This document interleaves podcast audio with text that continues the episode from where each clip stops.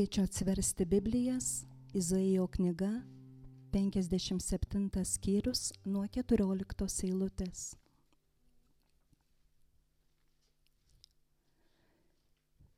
Ir sakys, nutieskite kelią, nutieskite kelią mano tautai ir pašalinkite kliūtis. Taip sako aukščiausiasis ir prakilnusis kuris gyvena amžinybėje, kurio vardas šventas. Aš gyvenu aukštybėje ir šventoje vietoje su tais, kurie turi atgailaujančią ir nuolankę dvasę, kad atgaivinčiau nuolankiųjų dvasę ir atgailaujančiųjų širdį. Aš neamžinai bilinėsiuos ir ne visada rūstausiu nes tada gyvybės dvasia, kurią aš įkvėpiau, sunyktų. Aš užsirūstinau dėl nuodėmingo tautos godumo, smogiau jai ir savo veidą paslėpiau, bet ji ėjo toliau klaidingų savo širdies keliu. Aš mačiau jos kelius ir aš gydysiu bei vedžiosiu ją suteiksiu jai ramybės ir paguodos. Ramybė ir taika arti ir toli esantiems, sako viešpats. Aš ją pagydysiu. Nedoreliai yra lik sujudinta jūra, kuri negali nurimti. Jos vanduo išmeta purvą ir dumblą. Nėra ramybės nedoreliui, sako mano Dievas. Tai buvo Dievo žodis, sakykime Amen.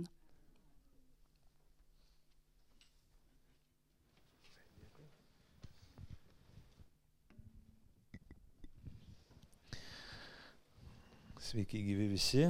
Iš ties mes esame kiek atnaujintoje mūsų salėje ir labai džiaugiuosi tuo, kad, kad šiuo kalėdiniu laikotarpiu, advento laikotarpiu mes turime galimybę matyti gražias skaidrės. Aš praeitą sekmadienį paminėjau, kad mes turime gražias skaidrės rūtos dėka, kuri pagelbsti man, pieždama, iliustruodama ir, man atrodo, labai atskleisdama mūsų šio advento idėją, filosofiją, mintį, kad mes norime ne tik tai kalbėti apie Dievą, ne tik tai ieškoti pagodą savo, ne tik patirti iš Dievo malonių ir gailestingumą, prisipildyti jo dovanomis, bet taip pat, kad esame kviečiami dalintis ir, ir lieti kitų žmonių gyvenimus a, tą malonę. A, labai džiaugiuosi, kad šiandien mes turime tokią neįprastą, netradicinę ne, ne prakartėlę bažnyčiai ir, ir čia reikia paaiškinimo, kas čia yra ir tegul kyla klausimai ir myslės, aš galvoju, mes vieną tarnavimą skirsime laiko, kad galėtume tas myslės įminti, bet tebūnie tas realistinis ir kūrybinis prieimas prie e, kalėdinės istorijos pažadina mumyse mintys, malsumą ir didesnę meilę e, Dievo darbui. E, mūsų mintis šiais metais kalbėti adventiniu laikotarpį viltį, ramybę, džiaugsmą, kitą sekmanį kalbėsim apie meilę, galiausiai apie Kristų kalbėsime Kalėdų rytą. Yra ne tik tai, kad prisipildytumėm tomis malonėmis, kurias viešpats mums teikia, nes tai labai svarbu, kad mes tai išgyventumėm asmeniškai. Bažnyčios susirinkimas e, nėra skirtas tik tai intelekto lavinimui, kad mes žinotumėm dalykus, suprastumėm juos ir, sakykim, o, okei, okay, žinau. Tai labai svarbu, be žinojimo, be pažinimo, be užtikrintumo mes negalime uh, patikėti, mums reikalingas žinojimas, bet žinojimas turi vesti mus į patirtį, į patyrimą, kaip ir, kaip ir šitos uh, dekoracijos, kurios, kurios yra patyriminės, jas galima, galima bus atsisėsti ant, ant šito, ant, ant krėslo, galima bus pažiūrėti, galima pažiūrėti veidrodį. Ir aš tikrai labai dėkingas esu Aidai, kuri, kuri su dideliu rūpešiu kartu ir, ir, ir uh, su Rūta padarė šitą darbą ir vakar visą dieną darbavosi, kad čia būtų gražu kad būtų įdomu, kad, kad tai patrauktų mus ir kad tai paveiktų mus. Labai svarbu, kad Evangelija darytų poveikį realiam mūsų gyvenimui. Tai kaip mes jaučiam, taip kaip mes mastom, taip kaip mes pasirinkam, taip kaip mes gyvenam. Dėl to ta akcija, apie kurią kalbėjau, yra labai svarbi mums. Aš kviečiu iš viso širdies, dalinkimės, prisidėkime. Net, neturim programos, kiek kas turi, jūs kiekvienas turit nuspręsti, kiek galit melstis, kiek galit dalyvauti patys, kiek galit aukoti, bet aš kviečiu, kad nei vienas iš mūsų neliktumėm kažkur tai nuo šaly, kad kiekvienas iš mūsų bendruomenės žmonių prisidėtumėm vienu, kitu, trečiu, o gal dviem, o gal ir trim būdais, kaip galime uh, dalyvauti. Aš noriu trim būdais dalyvauti. Aš noriu ir melstis, noriu aukoti ir noriu dalyvauti. Aš tai kviečiu ir savo šeimą, mes kalbėjom su vaikais, kiek mes galime aukoti, kiek jie iš savo santopų gali aukoti ir kur ir kaip gali dalyvauti. Dėl to rasinu broliai sesės tai daryti kiekvieną iš jūsų. Ir viešpats čia laimina tas mūsų pastangas. Taigi, šiandien kalbam apie ramybę. Ramybę.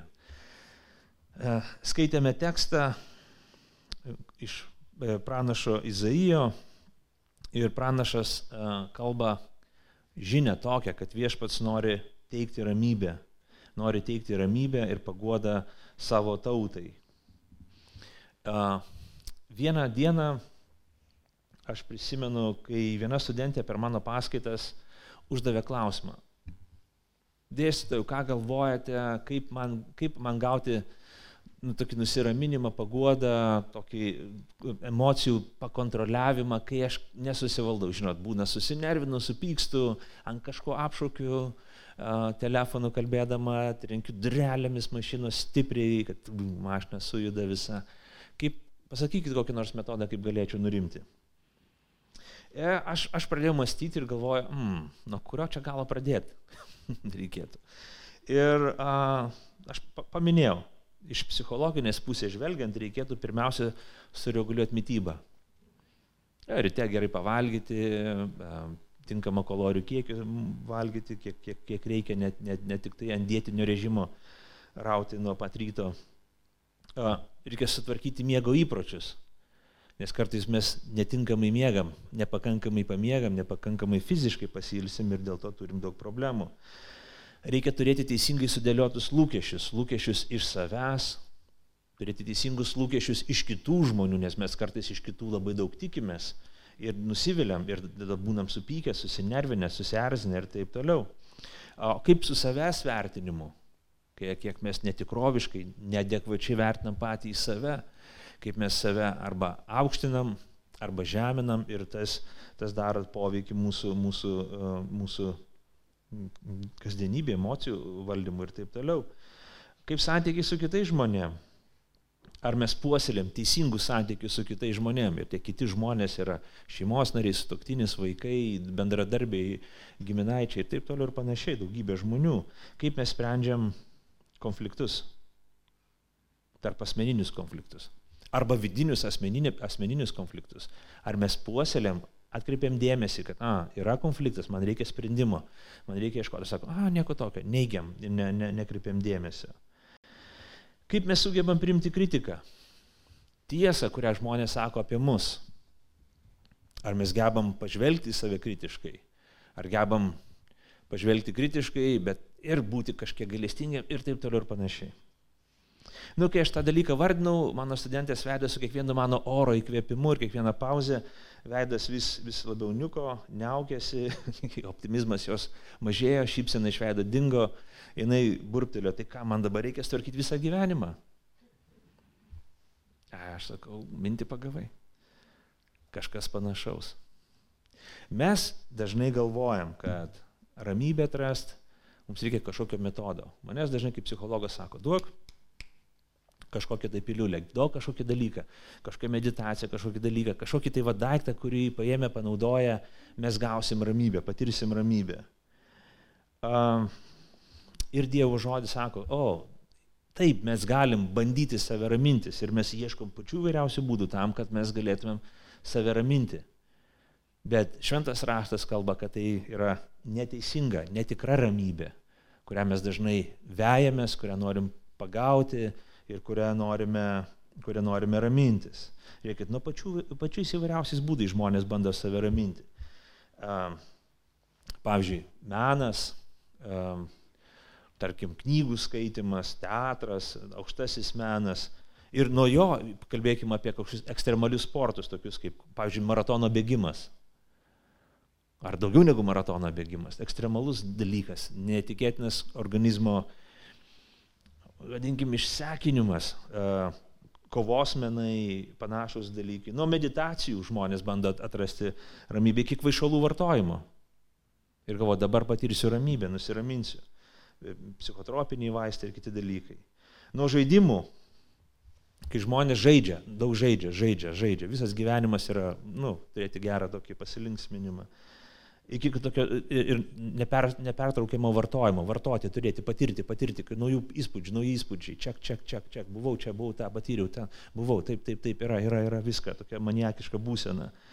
Iki kažkokios filosofijos, kai mes samprotaujam, sakom, kad čia apskritai jokių poreikių mes neturim ir taip toliau kažkokios savytaigos ir panašiai. Nuo darboholizmo, kai mes užkasam save darbuose ir nieko, nieko, nieko nematom, galvoj spengia vienas kažkoks dalykas mintyse, tik darbas, nieko daugiau. Arba iš kitos pusės neįsipareigojimas, niekam, niekam neįsipareigo, gyvenu kažkokiu tai būdu tik savo, tik, tik tai apie save galvoju ir taip toliau. Nuo kažkokio aktyvizmo, didelės veiklos iki aplaidaus kažkokio vegetavimo. Visokiausiam strategijom, prieš taraujančiom viena kitai strategijom mes bandom uh, tam tikrais gyvenimo epizodais, o faktiškai gal net ir visą savo gyvenimą ieškoti to, kas mums atneštų ramybę. Ramybė yra vienas iš svarbiausių dalykų. Jeigu mes netrandam ramybės, nemokam, negebam nusiraminti, mes išgyvenam didelį stresą, didelę, didelę nežinau, psichologinį traumą, sakykime taip, ne? nes, nes mums reikalinga, reikalingas nusiraminimas. Mes būdame pasimetime, desperacijai, kažkokiu ne, ne, nerimastingumo būsenoj, nepaliaujamai rūpinamės ir, ir, ir suvokiam kažkur, kad giliai kažkas su mumis yra negerai. Dėl to mes sakom, man reikia nusiraminti, man reikia nusiraminti, man reikia nusiraminti. Šio Biblija mus moko ir kalba, kad jeigu mes tiesiog sakysim ramybė, ramybė, ramybė, tūkstantį kartų kartosim tą žodį, nebūtinai ramybė ateis į mūsų gyvenimą, arba nebūtinai tai bus teisinga ramybė. Labai įspūdingai yra pasakęs, užrašęs pranašas Jeremijas 6 skyriui 13 eilutė, 14 eilutė. Neskaitysim viso konteksto. Jis sako, jie gydo mano žaizdas tik paviršutiniškai, sakydami, taika, taika, tačiau taikos nėra. Prieš tai pranašas sako tokį dalyką. Jie visi nuo mažiausio iki didžiausio pasidavė godumui, nuo pranašo iki kunigo jie visi elgėsi klastingai. Ta pačią mintį pranašas pakartoja ir aštuntame skyriuje, aštuntas skyrius devintoje eilutė, vienuolikta ir taip toliau. Jis sako tokį dalyką, žiūrėkim, jūs gyvenat blogai, netinkamai gyvenat, jūs gyvenat tenkindami savo godumą, garbindami godumo stabą. Ir sakot, ramybė, ramybė, taika, taika. Ir tikitės, kad taika ateis jūsų širdis. Ne, ne, ne, čia neteisinga taika. Čia tik, tik savęs apgaudinėjimas yra. Tas pats pranašas, kurį mes skaitėm, 55 skyriui, pranašas Izaijas sako, kodėl jūs leidžiate pinigus už tai, kas nėra maistas ir dirbate už tai, kas jūsų netenkina. netenkina. Klausykite manęs atidžiai ir valgykite tai, kas jūsų sielą atgyvins ir sustiprins. Pranašas sako tokią stiprią mintį, sako, žiūrėkit, jūs įtaigojate, įtikinat save, kad jeigu tą, tą, tą darysi, taip, taip, taip kalbėsi, ten, ten, ten sudalyvausi, kažką tai paveiksi, kažką biški pakeisi savo gyvenimą, gyvenime ir tada turėsi ramybę. Bet sako, tu leidi pinigus tiesioginė prasme ar netiesioginė prasme pinigus leidi, tai reiškia atiduodi savo gyvenimą, laiką, energiją negryžtamai. Ir per kitai, kas yra, be, neturi jokios vertės tai, kas iš esmės tavęs nepamaitina. Tu perki maistą, tu valgai, bet jis ne maistas, jis kažkas kita yra. Jis tavęs nesotina, tu perki gėrimą, tu geri ir tu lieki ištroškęs.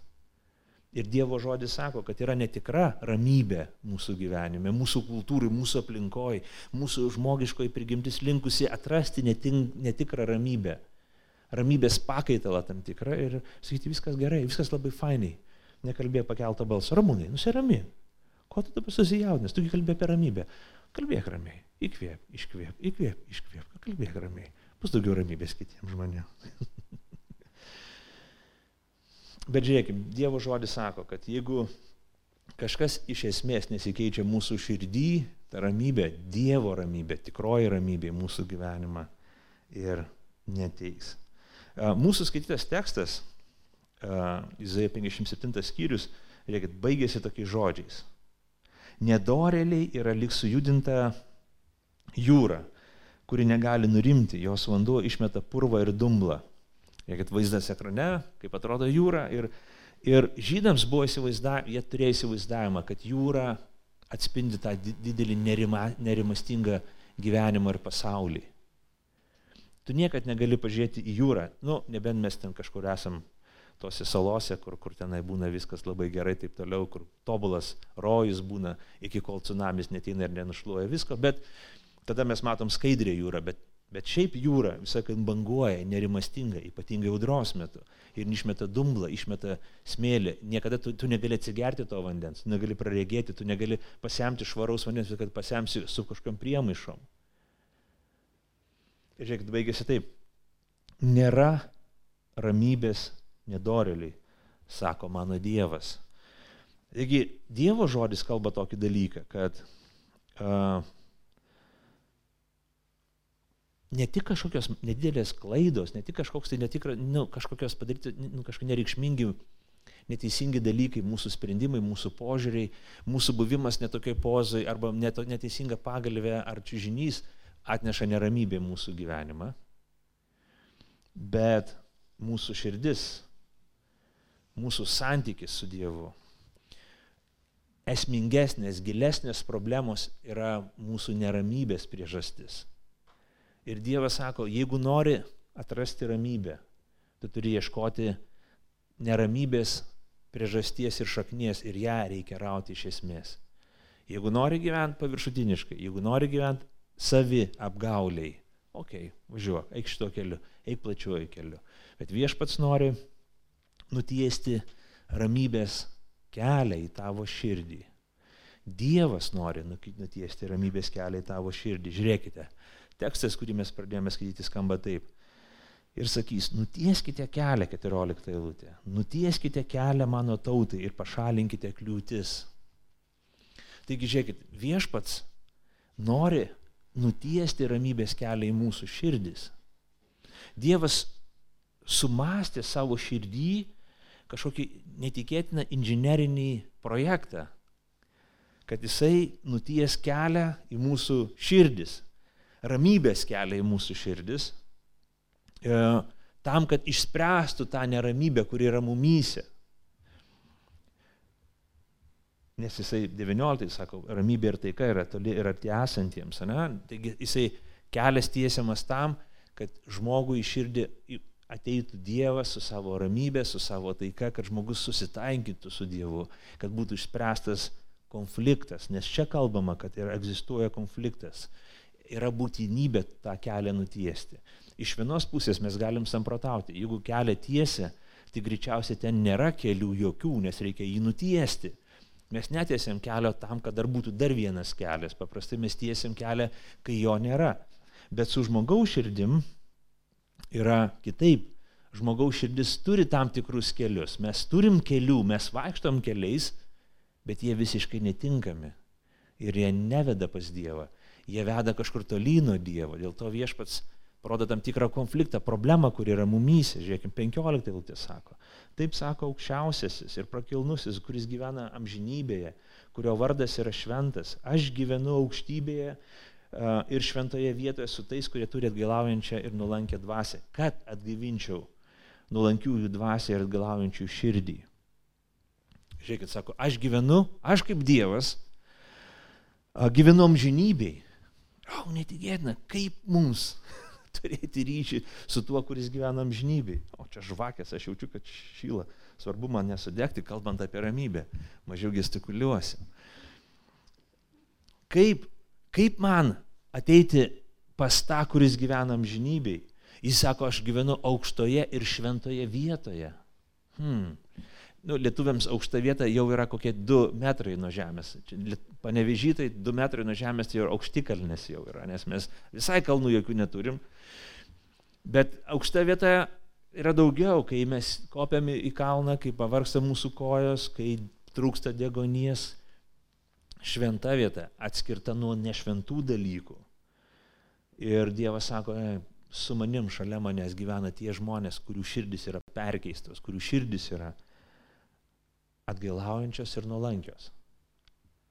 Sakai, va dabar šią akimirką, kai tu sakai tos žodžius, mano širdis tokia, va, nu, va nuolanki ir atgailaujanti. Va kaip gyvenimas, kaip visas mūsų gyvenimas, ar jisai yra perpildytas atgailos ir ar per, perpildytas nuolankumo ir čia skamba ta žinia bats. Viešpats sako, hei, mūsų keliai skirtingi, Dievo kelias vienas, jūsų žmonės kelias kitas. Dievas nekalba šitoje rašto vietoje netikintiem, tiem, kurie yra pagonys, kurie nepažįsta Dievo. Dievas šito žodžiu skiria savo tautai, savo žmonėms, tiems, kurie yra sandoroje su juo. Ir jis sako, hei, mano tautos žmonės, man reikia nuties kelią į jūsų širdis, nes, nes, nes mes esam neperskiriamoj, nežinau, distancijai vienas nuo kito. 17 eilutė, žiūrėkit, kaip skamba. Aš užsirūsinau dėl to, nuodėmingo tautos godumo, smogiau jai ir savo veidą paslėpiau, bet ji toliau ėjo klaidingų savo širdies keliu. Viešpats kalba, sako, žiūrėkit, nuodėmingas tautos godumas, tai yra stabas. Godumas yra stabeldystės, godumas yra noras turėti, garbinti turėjimą, garbinti pinigą, garbinti klėstėjimą, garbinti gerovę, laikyti ją aukščiausią vertybę ir sako, hei, jūs vadinatės mano tauta, bet iš tikrųjų gerovė jūsų yra didžiausia vertybė. Jūs norit būti komfortabil, gyventi komfortabiliai, lyginant su kitais, jūs norite būti aukščiau vidurkio, lyginant su giminaičiais, šiek tiek žingsnelių prieki už juos, kad gerai jaustumėtės. Sako, mano tauta ėjo klaidingų savo širdies keliu. Tai kaip ir minėjau, nėra taip, kad mes neturime kelių. Mes turime kelius. Mūsų keliai aiškus, bet jie yra klaidingi, mes patys pasimetę. Mes einame ne, taip, ne tais keliais, kuriais viešpats, kad mus sukūrė, kad eitumėm, ne tais keliais, kuriais viešpas atpirko mus, kad eitume, bet einame tais keliais, kurie kyla iš mūsų širdies, iš mūsų širdžių, iš mūsų stameldiško godumo. Ar galvoju, gal aš per stipriai kalbu, čia sakau, mes, mes, sakysit, Ramūna, tu čia atvirauji ir dabar sakai mes, sakyk aš. Nu gal, gal taip reikėtų sakyti, bet um, šitie žodžiai skirti Dievo tautai.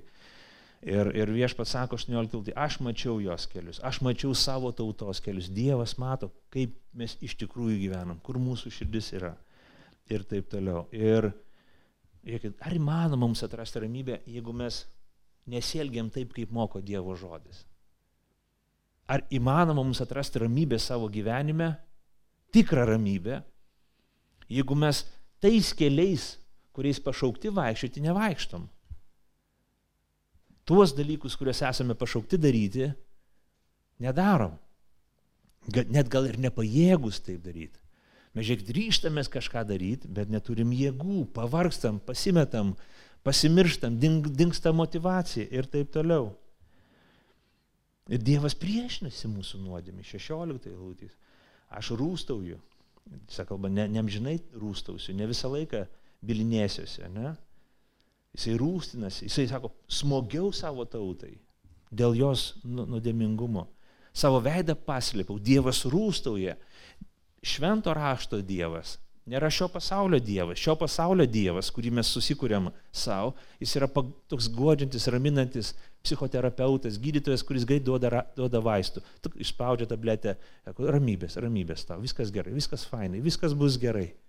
Bet švento rašto Dievas nėra toks Dievas. Jis sako, tu darai nuodėmę, nuodėmę pražudys tave. Nuodėmė baisi jėga tavo gyvenime jinai darkanti, naikinanti jėga, dėl to aš žiūriu tai rimtai, dėl to mano sunus Jėzus atėjo šitą pasaulį, dėl to jis buvo sunaikintas tos nuodėmės, kaip pasiekmė už bausmę, ne jo nuodėmę, bet už mūsų nuodėmę jisai mirė.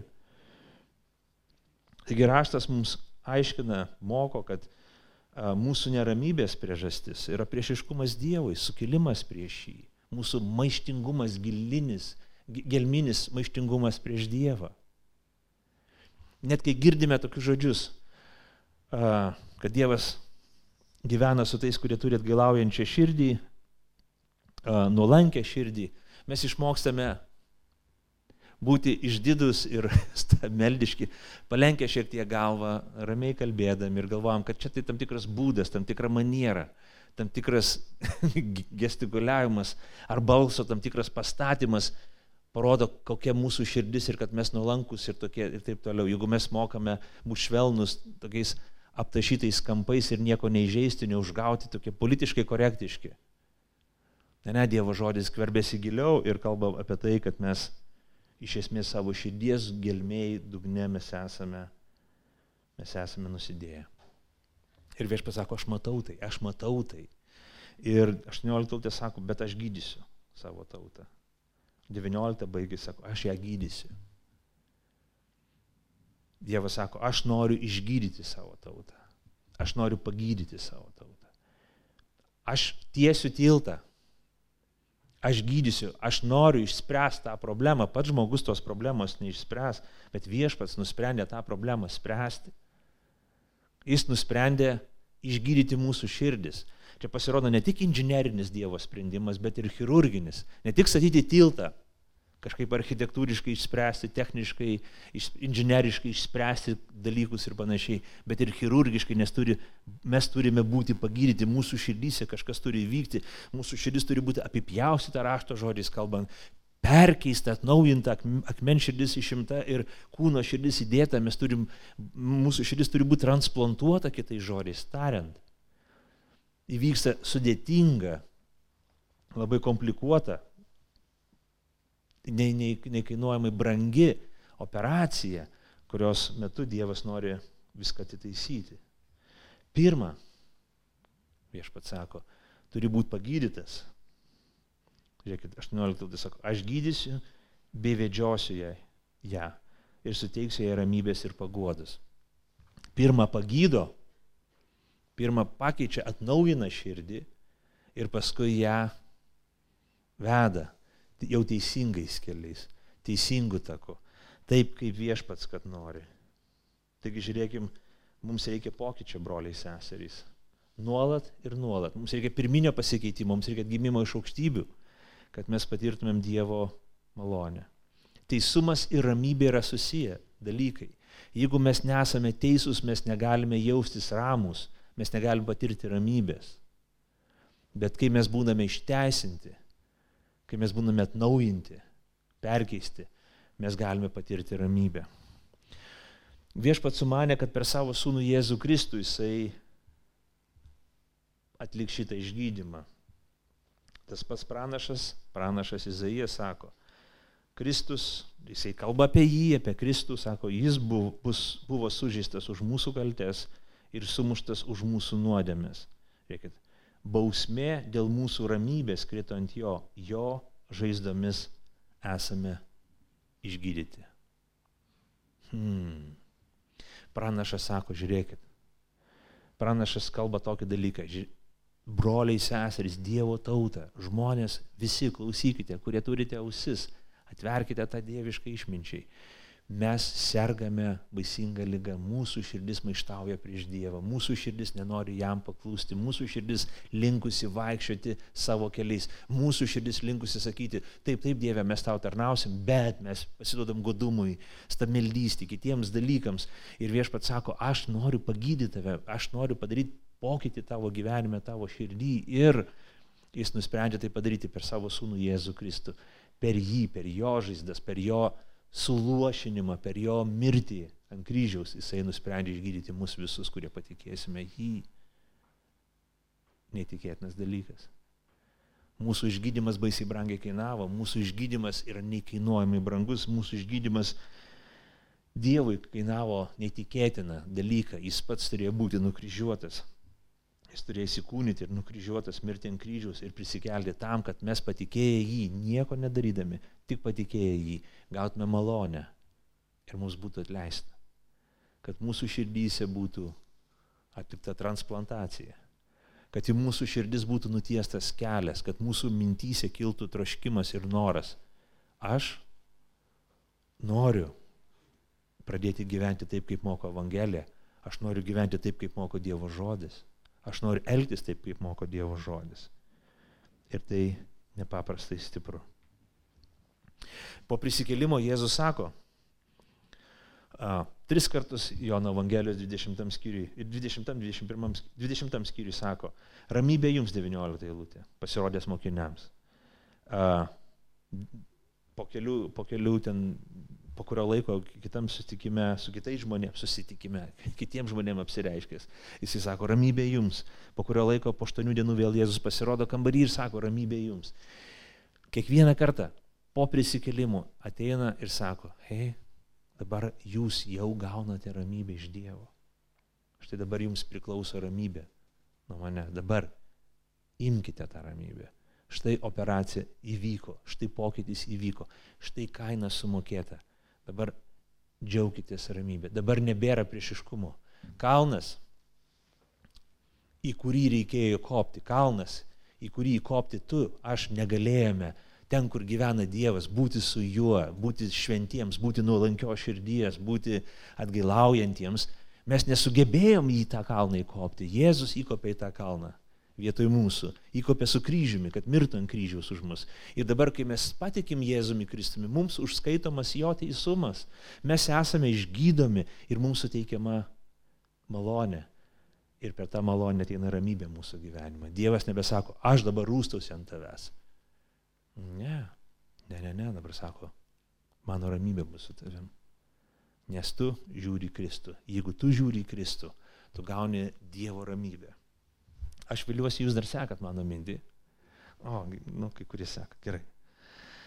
Paulius rašydamas savo laiškus, kiti paštalai rašydami savo laiškus visą laiką kalba malonė ir ramybė jums, malonė ir ramybė jums, malonė ir ramybė jums, malonė ir ramybė jums, malonė ir ramybė jums, malonė ir ramybė jums.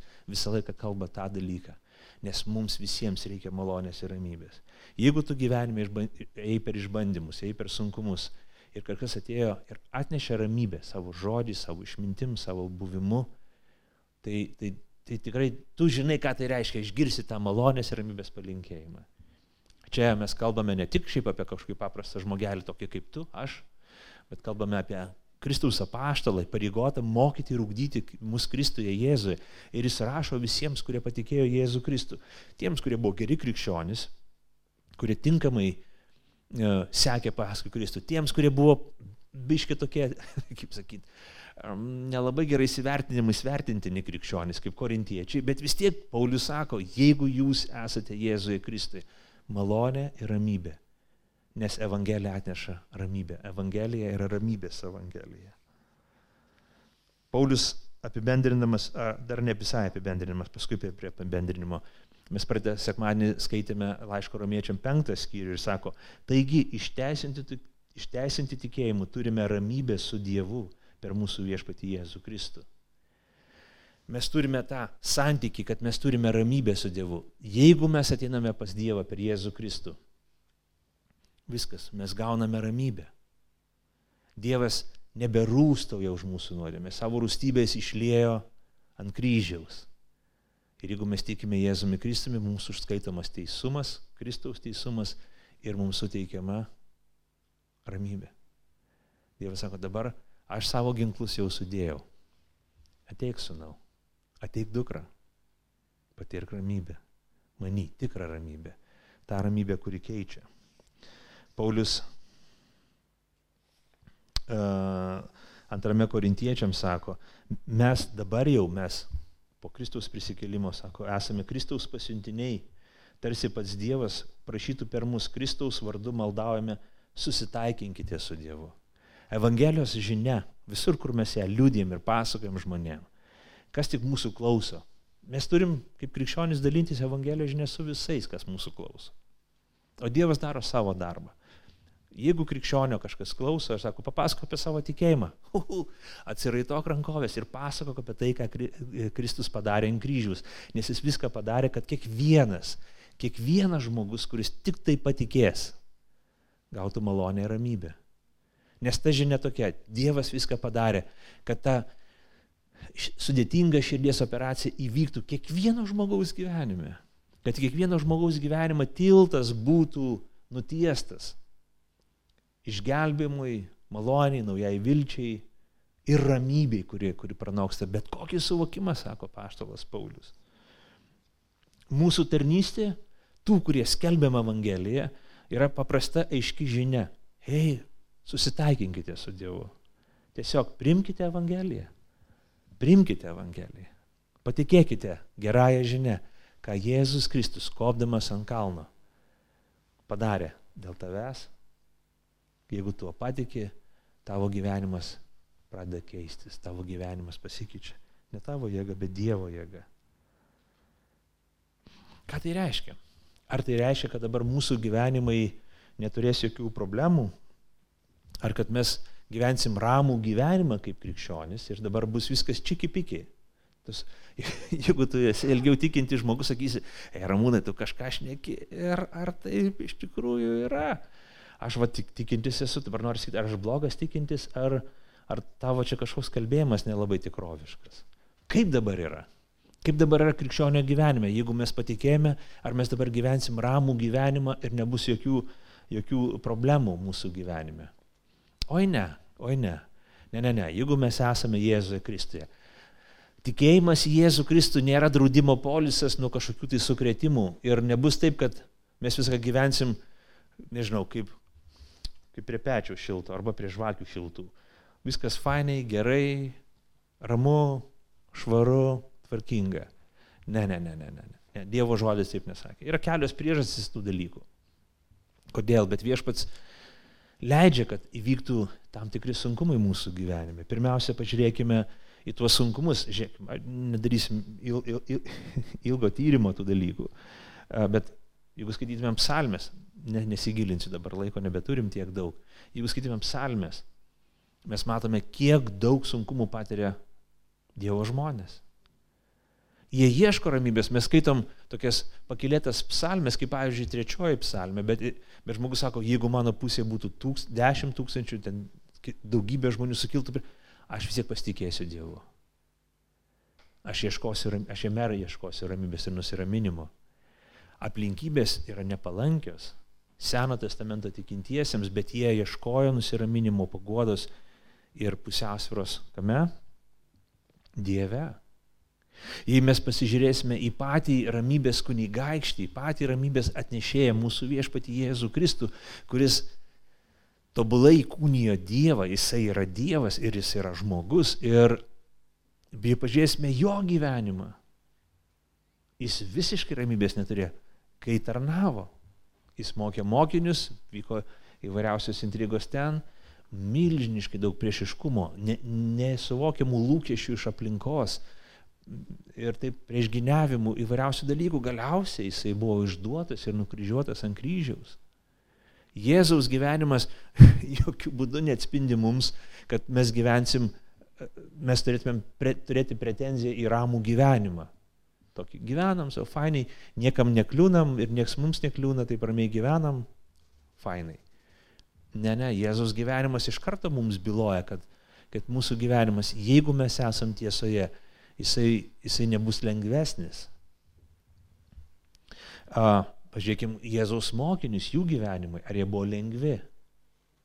Nei vieno iš Jėzaus mokinių, kurie aprašyti po Kristaus prisikelimo, gyvenimas nebuvo lengvas, visi buvo pilni savo iššūkių ir sunkumų. Tai padrasinimas ir pamokymas tau ir man, broliai seserys. Nes Dievas mums sako, nedu, aš neduosiu tau ramybę šito žemėje. Ramybė yra, amžinoji ramybė yra ten, ten, Ir ten mes patirsime visišką nusiraminimą. Ten mums bus nušluostytos ašaros, ten nebebus stresų. Čia mes dėja turėsim išgyventi visus sunkumus. Bet nepaisant visų audrų, nepaisant sukilusių bangų, tu gali turėti ramybę savo širdį, vidinę ramybę. Milžinišką išteklį tu gali turėti, kadangi tu turi taiką su Dievu, tu gali būti su juo ramybėje audrų apsupty. Stipriausia istorija yra apaštų darbuose, kai mes skaitome šventame rašte, kai Paulius keliauja į Romą, plaukia laivu ir kai a, jisai suimtas, jie plaukia laivu žiemos metu ir tada kyla audros. Ir dvi savaitės laivą mėto. Aš, ne, aš nesu jokių būdų jūreivis, nes aš tikrai nebūčiau kosmonautas, aš tą supratau vaikystėje, kai pradėjau važinėti autobusais tarybiniais, nes man visą laiką reikėdavo turėti kažkokią tai apsaugos priemonę, kokią nors, pavyzdžiui, maišelį kokį nors, nes autobusuose mane užsibuodavo greitai. Paskui ten kažkokių tablečių mama parūpino ir tada aš jau žinojau, kad neturiu jokių pretenzijų būti kosmonautu ar jūreiviu, nes jūros lyga tikrai ne man. O ten vyrukai, dabar galvoju, ar moterų buvo, neskaitėm to rašto vietoj, dvi savaitės buvo audroji vietomi mėtomi. Nevalgė žmonės buvo, nes tu ten nelabai gali ir valgyti. Bet Paulius sako, hei, sako, man kažkaip viešpats davė žinoti, kad viskas mums bus gerai. Pavalgykim, pavalgykit, kad biškit jėgų būtų, daiktus kai kuriuos išmeskim, žiūrėkit, aš parodysiu pavyzdį, kaip valgyti reikės. Laužė duoną, padėkoja Dievui, sako dabar taip, kaip aš valgau, jūs valgykit. kaip tai įmanoma? Kaip tai įmanoma? Mes neturim labai ten, kaip sakyti, sumistifikuoti švento rašto herojų. Bet tai galbūt padrasinimas mums, aišku, tai kalba apie tą istorinį įvykį, bet padrasinimas mums, broliai sesės, kad savo audrų sukūrį mes galim atrasti ramybę su Dievu. Jei Dievas už mus, kas gali būti prieš mus? Jei Dievas yra su manim mano laive, net jeigu jis versis laivas, net jeigu jis kes, jis kes kartu su viešpačiu jis kes kartu su juo, o jo niekas negali paskandinti. Mes turime ramybę su Dievu, mes turime bendrystę su juo ir tai mes turime puoselėti. Tikėjimas nėra draudimas nuo audrų. Tikėjimas yra užtikrintumas audrose, kad Dievas yra su manim. Taigi, kaip toj kasdieniai, aš dar vieną mintį turiu pasakyti, mintis susideda iš trijų minčių. Kaip kasdienybė rasti ramybę. Ir laiškė filipiečiams apaštalas Paulius rašo, nieko nesirūpinkite, bet visuose reikaluose malda ir prašymų su padėka jūsų traškimai tiesidaro žinomi Dievui. Ir Dievo ramybė, pranokstanti visokį supratimą, saugos jūsų širdis ir mintis Kristuje Jėzuje. Pagaliau, mano broliai, mąstykite apie tai, kas tikra, garbinga, teisinga, tyra, mylima, giriama, apie visą, kas dora ir šlovinga. Darykite, ką tik iš manęs išmokote, ką gavote, ką girdėjote ir matėte manyje ir ramybės Dievas bus su jumis. Trys dalykai, ką reikėtų daryti mums, kai mes, kai mes ieškom kasdienybėj ramybės su Dievu. Pirmas dalykas - malda. Nepaprasta malda, žiūrėkim, bet sako taip, a, visose reikaluose, šeštai lūtė, malda ir prašymų su padėka jūsų triškimai tiesidaro žinomi Dievui dėkojanti malda. Jeigu tu stokoji ramybės savo gyvenime, pradėk dėkoti Dievui už tai, ką tu turi. Už tai, ką viešpats jau davė. Sakai, o aš, pažiūrėk į mane, nelabai turiu už ką dėkoti Dievui. Gali būti, dabar kai taip sakai, tai aš tikrai pasižiūriu tave ir matau, kad tikrai nelabai už ką dėkoti Dievui. čia, čia juokas, juokas. Bet Atsiversk Evangeliją, brolyti, klausyk, jeigu tu galvoji, kad neturi už ką dėkoti, dėkok už Jėzų Kristų, kuris mirė už nuodėmės, už tavo nuodėmės. Vien už tai tu turi dėkoti visam žinybėm, mes dėkosim Dievui. Kiek jis daug davė, jis davė sniegą. Visi džiaugiasi tie, kas turi privačius namus, nes jie turi kasti jį, o aš džiaugiuosi, kad gyvenu būte, ypatingai tomis akimirkomis, kai sninga. Bet Galim dėkoti už saulę, už laisvę, už bažnyčią, už brolius, seseris, už šeimą, už darbą, už mažus atlyginimus, nes tada turim daugiau dirbti ir kažkaip visai kitaip. Dėkokim už viską. Ir dėkojimas atneša ramybę, Paulius sako. Dėkinga malda Dievui atneša ramybę. Sako, aštuntai ilgas sako, mąstykite apie tai, kas tikra, garbinga, teisinga, tyra, mylima. Daugiau teliko žiūrėk, Daugiau scrolling Facebook'e ir Instagram'e ir ramybės neturėsi. Bet jeigu tu apmastysi Evangelijos žinę, tai kas tikra, teisinga, tyra ir dora, ramybė teisė tavo gyvenimą. Pamėgink tai padaryti, išmėgink Dievą. Pradėk apmastyti Dievą ir Jo žodį. Kai mėginsit, nebus lengva, nes kai pradėsi norėti, e, norėti pamastyti apie Dievo žodį, prisiminsi visus darbus, kurių nepadaręs. Čia labai kažkaip bandymas mąstyti apie Dievo žodį ir malda padeda, pagerina atmintį mūsų. Mes prisimenam visus nepadarytus darbus. Kažkodėl tai įvyksta mūsų gyvenime. Bet jeigu mes kažkokiu būdu įveikiam šitą savo silpnumą, tą, tą akimirką, kuri tokia kaip gundimas tarsi bando atitraukti mus nuo Dievo žodžio apmąstymo. Žiūrėk, ramybė ateina į tavo širdį, kai tu pradedi mąstyti Dievo žodį. Ta žodį, kuris užrašytas, šventai raštą, ramybė ateina į mūsų širdis. Nu ir galiausiai Paulius sako tokį dalyką, darykite, ką iš manęs išmokote, ką gavote, ką girdėjote, ką matėte ir ramybės Dievas, matėte manyje ir ramybės Dievas bus su jumis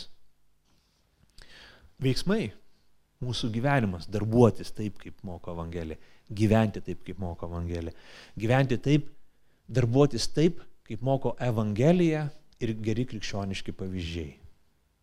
Nes jeigu mes savo energiją atiduodam neteisingiam dalykam arba tik tai savo, mes neturėsim ramybės. Ramybė apima ne tik mūsų kažkokį tai santyki mistinį santykį, tokia va, sielos būsena, bet ir mūsų, mūsų gyvenimo būdą. Nori ramybės, pamatyk šalia savęs tokojančių žmonės, pamatyk bendruomenę, kur, kurioje tu esi, pamatyk jos poreikius. Ne tam, kad pateksintum, parašytum pastoriui, nu, biški čia problemų pas mus yra, pas jūs yra. Bet sakytum, o, aš galiu prisidėti, aš galiu padaryti, aš galiu langus nuvalyti, aš galiu tuliką išplauti, aš galiu ateiti tenai padėti, aš galiu savimi padėti, aš noriu būti naudingas, aš noriu elgtis taip, kaip moko Evangelija. Ir Paulius sako, kaip jis ten sako, ir ramybės Dievas bus su jumis. Netikėtinas pažadas. Viskas.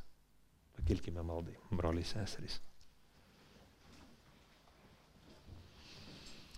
Dangiškasis tėvė, mes dėkojame tau. Pirmiausia, norim dėkoti už visą, kas tu esi, ką padarėjai, už tavo sūnų Jėzų Kristų, už kryžių, už auką, už malonę, už malonės daugyskaitoje, kiek daug mums jų esi davęs viešpatie. Šlovinam tave už tai, koks tu ir kas tu esi viešpatie. Atnešam savo nerimą tau, savo nerimastingumą, mes dažnai jaučiamės kaip ta sibuojanti jūra, kuri, kurioje viskas, ten dumblai, visokie dalykai susimaišo. Bet kur mes ateisim? Pas tave viešpatė. Te, te pripildo tavo Evangelijos žodis, mūsų širdis, mūsų mintis viešpatė. Te atgaila ir, ir tavo Evangelijos žodis, nuolankumas ir klus, nuolankus klusnumas Evangelijai te pripildo mūsų širdis viešpatė. Ir duok mums jėgų gyventi taip, kaip moko tavo žodis. Padėk mums viešpatį savo kasdienybę pripildyti Evangelijos žinios. Kad mūsų širdis prisipildytų tavo gerumu. Kad mūsų širdis prisipildytų tavo ramybės viešpatį. Prašom to per Kristų mūsų viešpatį. Ir visi sakome Amen.